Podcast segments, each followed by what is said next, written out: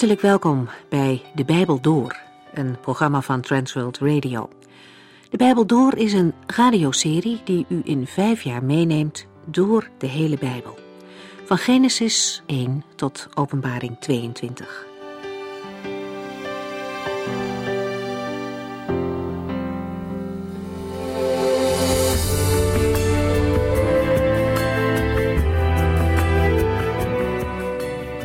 In Handelingen 10, daar waren we gebleven, zien we Petrus bij Cornelius. Terwijl Petrus uitlegt dat er redding en vergeving mogelijk is door de Heer Jezus, komt de Heilige Geest op Cornelius en ook op andere mensen die luisteren. Het initiatief komt van God.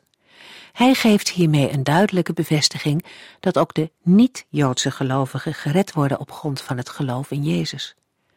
Tot die tijd konden gelovigen uit andere volken alleen bij de Here horen als ze besneden werden en ingelijfd in het Joodse volk, volgens alle wetten van toen. Petrus erkent dat er een nieuwe periode is aangebroken, die door God zelf wordt bevestigd.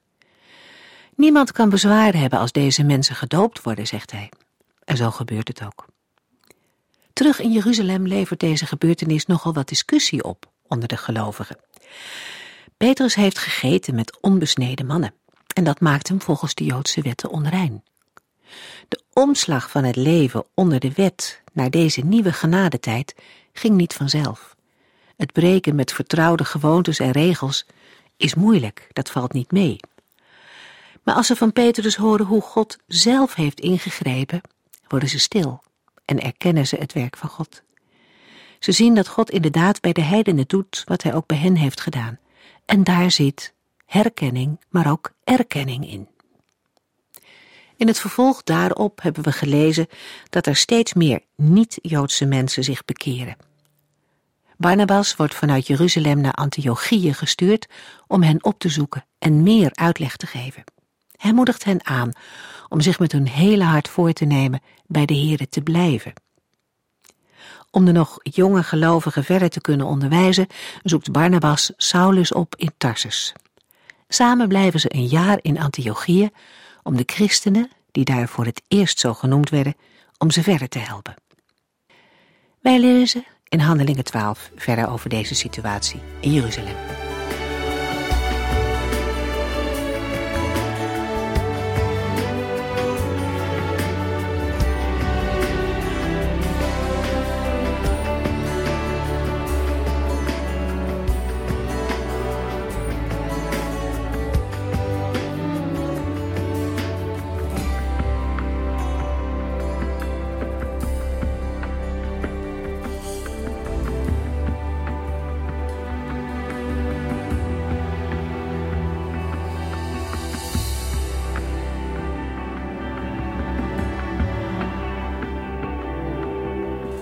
Vorige uitzending lazen we over de profeet Agabus, die in Antiochië aankondigde dat er een grote hongersnood zou komen.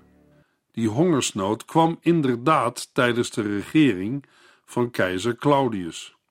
Daarom besloten de christenen van Antiochië hun geloofsgenoten in Judea te helpen. Ieder van hen gaf zoveel als hij kon missen. En zij stuurden Barnabas en Saulus naar de leiders van de christenen in Jeruzalem om de gift te overhandigen. Handelingen 11, vers 28 tot en met 30. Lucas geeft als datering in Handelingen 12, vers 1 aan in dezelfde tijd. Dat wil zeggen rond de tijd dat Barnabas en Saulus de gift overhandigden aan de leiders van de gemeente in Jeruzalem. Handelingen 12, vers 1. In dezelfde tijd liet koning Herodes enkele christenen oppakken met de bedoeling hen te mishandelen. De genoemde uitbarsting van vervolging vond plaats onder Herodes Agrippa, die regeerde van 41 tot en met 44 na Christus. Bij de troonsbestijging van keizer Claudius in 41 na Christus werd aan Herodes Agrippa een kleinzoon van Herodes de Grote, Matthäus 2, vers 1, en prinses Mariamne, het koningschap over vrijwel het hele gebied van zijn grootvader gegeven. Zijn grootmoeder, Mariamne, was de laatste prinses uit de hoge priestelijke dynastie van de Hasmoneeën, Maccabeeën, zodat Herodes ook priesterlijk bloed had. In tegenstelling tot zijn verwanten was hij zeer joods religieus en genoot daarom grote populariteit bij het Joodse volk. Hij stierf al in 44 na Christus. Om de Joodse leiders voor zich te winnen, liet hij enkele christenen oppakken met de bedoeling hen te mishandelen. Het is niet duidelijk of we bij enkele christenen die werden opgepakt alleen aan Jacobus en Petrus moeten denken, of dat er ook nog andere gemeenteleden werden opgepakt.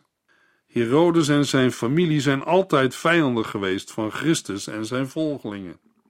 Koning Herodes liet enkele christenen oppakken met de bedoeling hen te mishandelen. Handelingen 12, vers 2. Jacobus, de broer van Johannes, liet hij doden door het zwaard. Onder de gearresteerden is Jacobus, Handelingen 1, vers 13, de broer van Johannes. Hij en zijn broer stonden bekend als de zonen van Zebedeus en behoorden met Petrus tot de meest geliefde volgelingen van de Heer Jezus. Lucas 9, vers 28. Voor alle duidelijkheid, wij moeten deze Jacobus niet verwarren met Jacobus, de broer van de Heer Jezus, Matthäus 13, vers 55, de latere leider van de christelijke gemeente in Jeruzalem. Dat Herodes Jacobus door het zwaard liet doden betekent dat hij werd onthoofd. Daarmee ging ook het woord van Jezus in vervulling dat Jacobus zijn leven als martelaar voor de naam van Jezus zou geven. Matthäus 20 en Marcus 10. Jacobus was de eerste apostel die omwille van het evangelie stierf en na Stefanus de tweede ons bekende martelaar. Over andere mogelijke martelaren vinden we alleen een korte aanduiding in Handelingen 22 en 26. Het valt op hoe beknopt Lucas in vers 2 is. Hij geeft geen details, zodat we niet weten of Jacobus door het Sanhedrin is veroordeeld of dat hij eenvoudig zonder vorm van proces is terechtgesteld. Uit het vervolg blijkt dat Jacobus kort voor Pasen is terechtgesteld. Handelingen 12, vers 3. Toen Herodes merkte dat de Joodse leiders daarmee van harte instemden, liet hij ook nog Petrus gevangen nemen. Maar omdat het juist Pesach, het Joodse paasfeest was, zette hij hem voorlopig in de gevangenis. Toen Herodes Agrippa bemerkte dat het lukte om op deze manier de Joden gunstig te stemmen, besloot hij ook Petrus, de leider van de gemeente, te laten arresteren. De arrestatie vond plaats op het paasfeest en daarom moest het proces worden uitgesteld tot na het Joodse paasfeest. Handelingen 12, vers 4. Hij liet hem bewaken door zestien soldaten, die om de beurt met z'n vieren de wacht moesten houden. Want Herodes wilde Petrus pas na Pesach in het openbaar laten terechtstaan. Nadat Petrus is gegrepen, wordt hij in een gevangenis gezet onder speciale voorzorgmaatregelen. De bewaking bestaat uit vier viertallen soldaten, waarbij waarschijnlijk naar Romeins gebruik steeds één viertal gedurende drie uur de wacht hield. Is Herodes bang dat Petrus wordt bevrijd? Om geen onrust onder het volk teweeg te brengen en het paasfeest niet te ontwijden, moet Herodes het proces tot na het paasfeest uitstellen.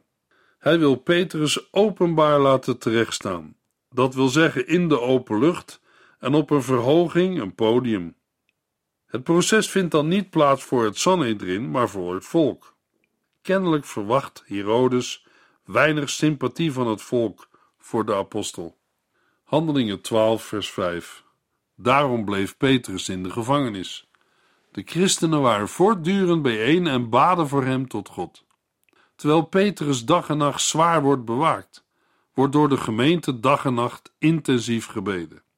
Hiermee schildert Lucas treffend de strijd tussen de wereldse machthebber Herodes en de hemelse machthebber, de Here, om het leven van Petrus. Hevig geschrokken door de terechtstelling van Jacobus, is de gemeente gemotiveerd om te bidden voor Petrus, de leider van de gemeente. Het bidden werd ook s'nachts voortgezet. Vers 12. Handelingen 12, vers 6. De nacht voordat hij zou terechtstaan, lag Petrus tussen twee soldaten in te slapen. Hij was met twee kettingen aan hem vastgemaakt. Voor de deur van de cel stonden ook nog twee soldaten op wacht. Herodes wilde Petrus na de paasweek laten terechtstaan, om hem te veroordelen. De nacht waarom het hier gaat, zal na afloop of aan het eind van het paasfeest zijn geweest. Normaal werden gevangenen die streng moesten worden bewaakt aan één soldaat vastgemaakt. Petrus is aan twee soldaten geboeid. Dat was een verdubbeling van de normale maatregelen, waarschijnlijk omdat het doodvonnis voor Petrus al vaststond. Waarschijnlijk was Herodes bang dat Petrus zou ontsnappen, zoals eerder was gebeurd. Handelingen 5, vers 19. Behalve de twee soldaten aan wie Petrus was vastgeketend, stonden de andere twee bewakers van het dienstdoende viertal als wachters voor de deur. Opmerkelijk is het dat Petrus rustig ligt te slapen, terwijl de volgende dag over zijn leven zal worden beslist. Het is duidelijk dat hij al lang geleden zijn leven in geloof aan de Heer heeft toevertrouwd en dat hij bereid is voor de naam van de Heer Jezus te sterven, zoals Jezus hem ook had voorzegd. Johannes 21. Handelingen 12, vers 7 tot en met 10. Ineens was er een licht in de cel. Er stond een engel van God en hij stootte Petrus in de zij. Sta op, Petrus, zei hij, maak voort. Op hetzelfde ogenblik vielen de kettingen van zijn polsen. De engel zei tegen hem: Maak uw riem vast en doe uw sandalen aan. Petrus deed het. Sla nu uw mantel om en kom mee, zei de engel. Zonder na te denken liep Petrus achter hem aan. Hij had niet door dat de engel hem echt uit de gevangenis leidde. Hij dacht dat hij een visioen had. Ze liepen langs de eerste wacht, toen langs de tweede en bereikten tenslotte de grote ijzeren poort die op straat uitkwam. De poort ging vanzelf voor hen open en ze stapten naar buiten. De engel liep één straat met Petrus mee en liet hem toen alleen. Dienstdoende soldaten in het Romeinse leger moesten wakker blijven. Op in slaap vallen, als je dienst had, stond de doodstraf. Ook al zouden de soldaten aan weerszijden van Petrus in slaap zijn gevallen, dan hadden toch de wachten voor de deur iets moeten merken. Maar op een wonderlijke manier gaat het hele gebeuren aan hen voorbij. Ze zagen het licht niet, hoorden de kettingen niet vallen en merkten niet hoe de grote ijzeren deuren geopend en gesloten worden. Zeker, de gemeente in Jeruzalem is intensief in gebed voor Petrus en de Heere verhoort het gebed. Handelingen 12, vers 11. Daardoor kwam Petrus tot zichzelf. Het is dus toch echt, zei hij. Nu weet ik dat God zijn engel heeft gestuurd om mij uit de handen van Herodes te redden en mij te beschermen tegen de Joden. Wanneer de engel is verdwenen en Petrus alleen in het duister van de stad staat, komt hij tot zichzelf en realiseert zich dat alles wat hij zojuist heeft beleefd werkelijkheid is.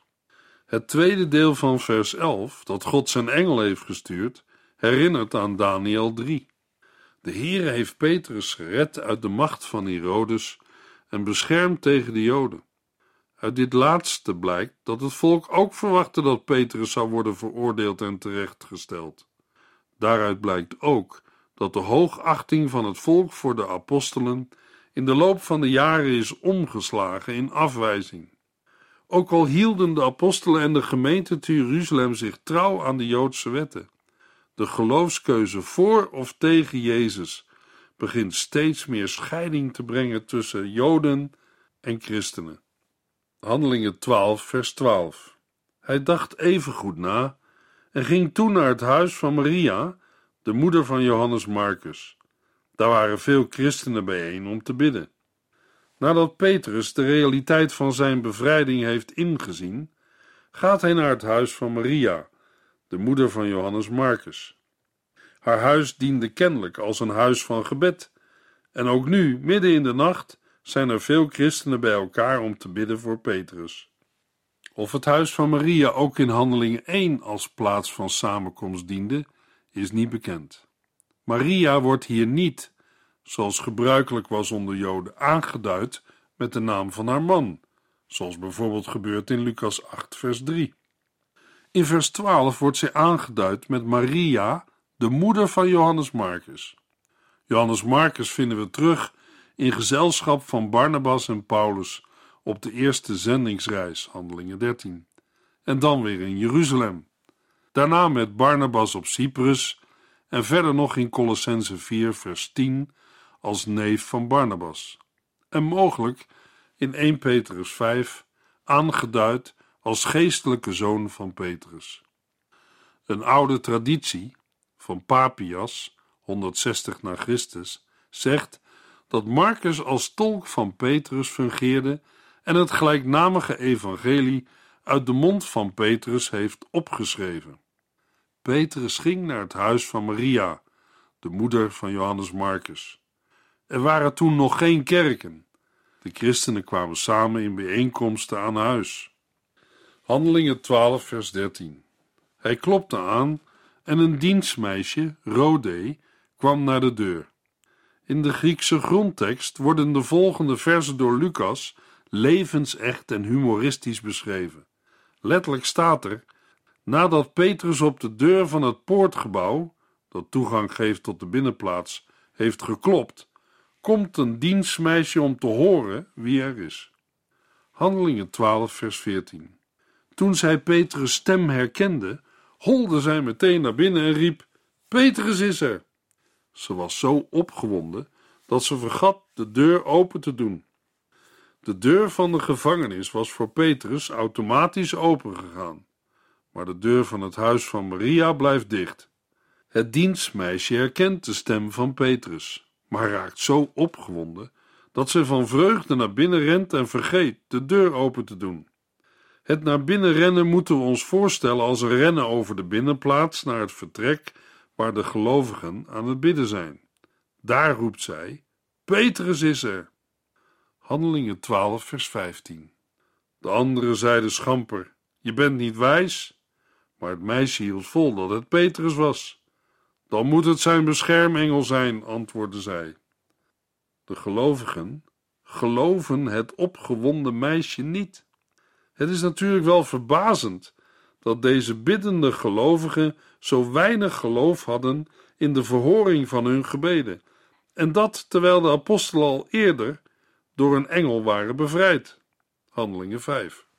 Wanneer het meisje voet bij stuk houdt, wimpelen zij haar uitspraken weg met de opmerking: Het moet zijn beschermengel zijn.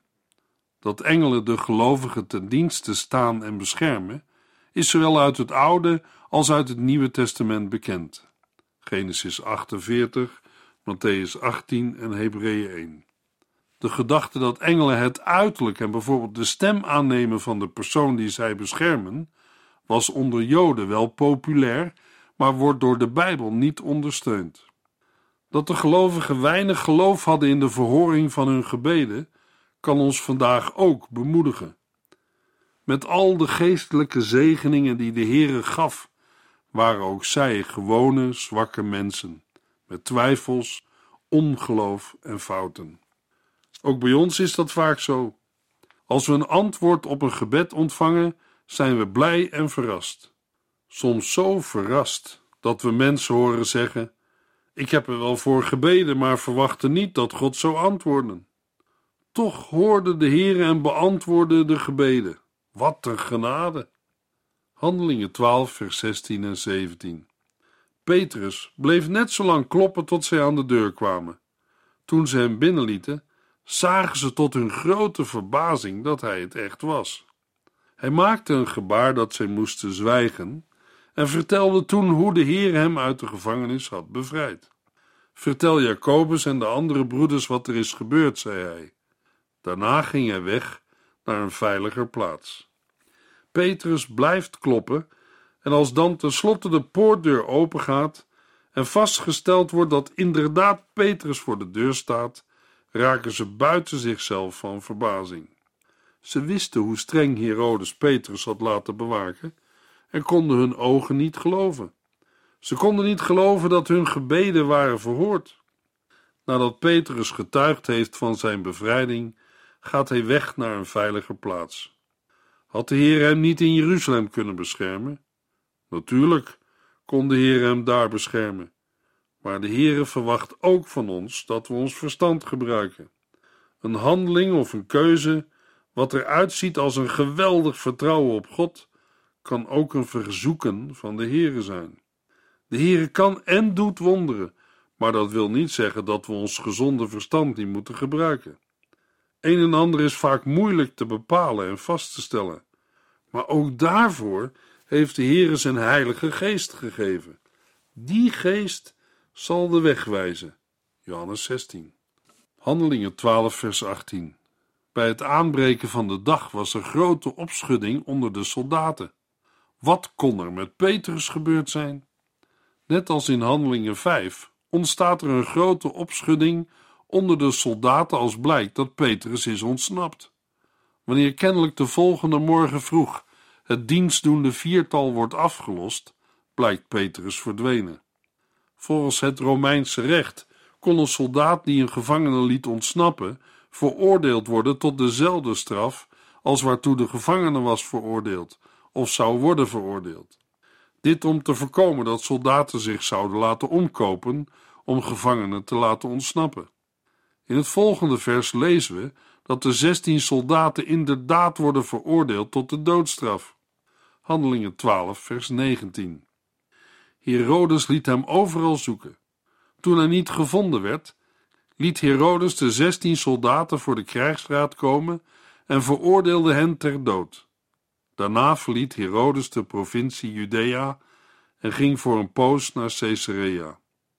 Herodes heeft door de ontsnapping van Petrus een gevoelig gezichtsverlies geleden bij de Joodse leiders en het volk.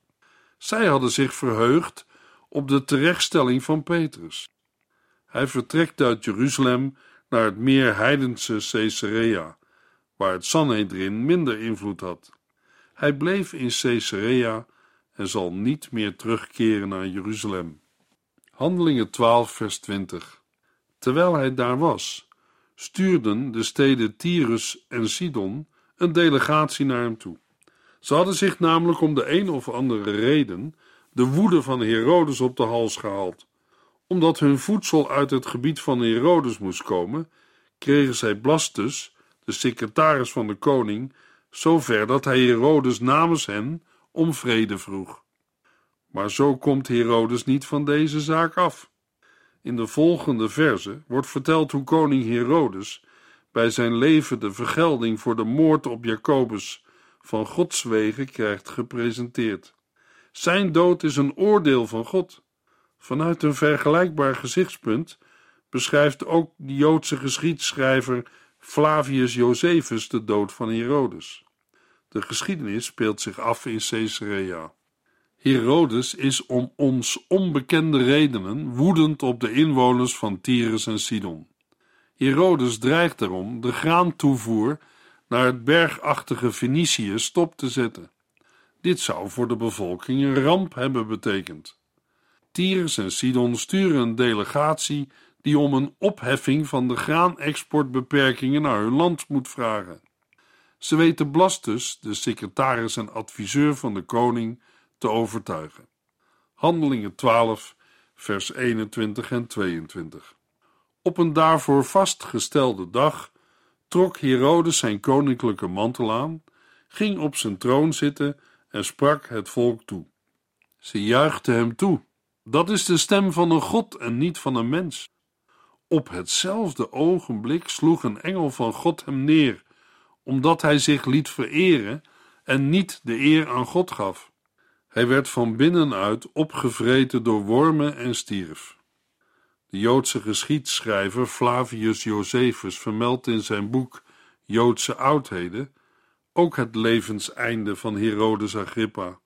Volgens hem liet Herodes in het derde jaar van zijn regering, 44 na Christus, ter gelegenheid van een feest ter ere van de keizer in Caesarea spelen voor het volk organiseren. Daarbij waren tal van hoogwaardigheidsbekleders aanwezig. Op de tweede dag van het feest verscheen Herodes morgens in het amfitheater, gekleed in een zilverkleurig geborduurd gewaad, dat prachtig glansde wanneer de zon erop scheen. Beide berichten laten zich uitstekend combineren. Kennelijk had Herodes de delegaties van Tyrus en Sidon uitgenodigd om op deze vastgestelde dag bij de Spelen aanwezig te zijn. En hield hij vanuit zijn ereloge, een verhoogd podium met een troon, een toespraak tot hen. Ook Lucas maakt melding van een koninklijk gewaad, dat Herodes bij deze gelegenheid had aangetrokken.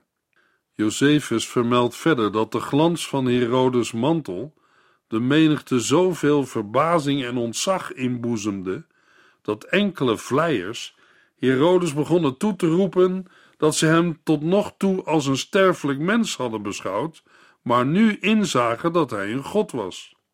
De beschrijving sluit aan bij die van Lucas. Al vertelt Lucas dat het de woorden van Herodes waren die de meeste indruk op het volk maakten. Het volk juichte hem toe. Dat is de stem van een god en niet van een mens. Herodes vond het prachtig en liet zich dit eerbetoon welgevallen. Heel anders is de reactie van Paulus en Barnabas in een dergelijke situatie in Handelingen 14. Omdat Herodes Agrippa de eer niet aan God gaf, dat wil zeggen, omdat hij de goddelijke verering, die alleen God toekomt, niet afwees, maar aannam, werd hij door een engel van God geslagen en kwam op een verschrikkelijke manier aan zijn levenseinde. Handelingen 12, vers 24 en 25. Het nieuws over Jezus Christus verspreidde zich snel en vele mensen gingen in hem geloven. Nadat Barnabas en Saulus de gift aan de christenleiders in Jeruzalem hadden overhandigd, gingen zij terug naar Antiochië en namen Johannes Marcus mee. Zo werd de vervolger van de gemeente door de Here met de dood gestraft. Maar het nieuws over Jezus Christus verspreidde zich snel en de gemeente van God groeide en werd vermeerderd. In vers 25 keert Lucas terug naar Barnabas en Saulus, die volgens Handelingen 11 vers 30 rond deze periode in Jeruzalem waren om financiële ondersteuning te brengen aan de christenen in Jeruzalem en Judea in verband met een komende hongersnood. In de volgende uitzending lezen we hoe het verder gaat met Barnabas en Saulus. Handelingen 13.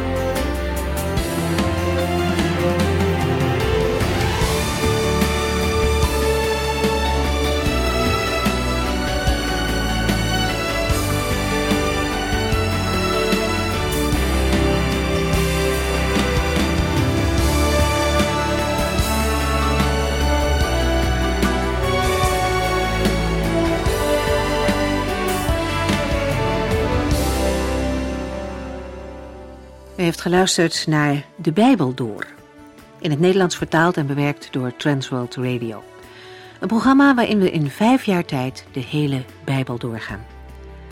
Als u wilt reageren op deze uitzending of u heeft vragen, dan kunt u contact met ons opnemen. Tijdens kantooruren kunt u bellen op 0342 47 8432. 0342 47 8432. 32. Ook kunt u een e-mail sturen naar de Bijbel door transworldradio.nl en natuurlijk kunt u ook via de post ons bereiken. TWR, postbus 371, postcode 3770, AJ in Barneveld. Dit programma werd gepresenteerd door Cor Weda en Ike André. Techniek was in handen van Odin van Woerdekom. En wij allemaal bedanken u voor het luisteren. Graag tot de volgende keer.